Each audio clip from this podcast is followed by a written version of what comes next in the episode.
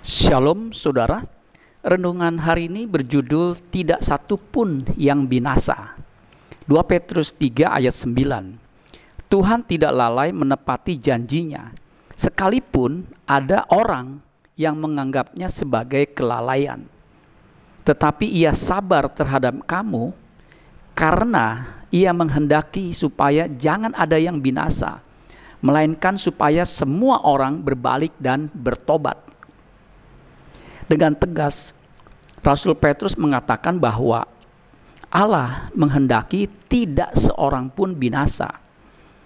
Itulah sebabnya ia mengutus putra tunggalnya untuk menyelamatkan manusia. Manusia harus meresponnya dengan hidup menurut kehendaknya. Saya terkesan dengan tulisan Bapak Dahlan Iskan, mantan Menteri BUMN, tentang usaha keras negara Vietnam mencegah penduduknya tewas karena COVID-19. Beliau menceritakan seorang penderita COVID-19 di Vietnam bernama Stephen Cameron. Stephen Cameron, seorang pilot usia 42 tahun, adalah pasien COVID-19 yang paling terkenal di dunia. Ia koma selama dua bulan, namun akhirnya sembuh setelah tiga bulan dirawat di rumah sakit, berat badan Cameron turun 23 kilo. Siapa yang menyangka Cameron bisa sembuh?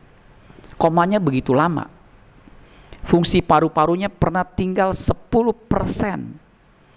Pernah pula darahnya sampai harus dipompa keluar selama dua bulan.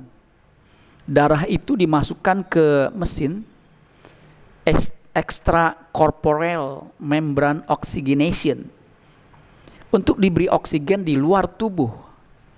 Setelah beroksigen, darahnya dimasukkan kembali ke tubuh.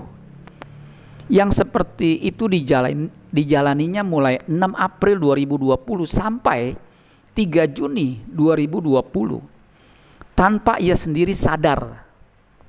Juga sudah disiapkan pilihan terakhir transplantasi paru-paru. Yang mendaftar sebagai donor sudah puluhan, asal Cameron sembuh. Konon, pihak asuransi menghabiskan 160 ribu dolar atau setara lebih dari 2 miliar rupiah untuk biaya pengobatan Cameron. Ia adalah satu-satunya pasien yang gawat dan parah yang ada di Vietnam. Cameron lah satu-satunya calon orang meninggal pertama korban COVID-19 di Vietnam. Ia tidak jadi meninggal. Vietnam pun dianggap negara paling sukses di bidang penanganan COVID-19. Penduduknya yang 95 juta jiwa sangat padat untuk wilayah yang be tidak begitu luas. Negaranya miskin setara dengan kita. Tapi yang tertular COVID-19 hanya 360 orang. Yang meninggal nol, zero. Dunia sepakat bahwa sukses Vietnam itu berkat upaya tracking yang serius dan penanganan yang sungguh-sungguh. Begitu ada seseorang terkena COVID-19, dilakukan pencaharian tanpa kompromi. Siapa saja yang pernah bertemu orang itu harus masuk karantina 15 hari.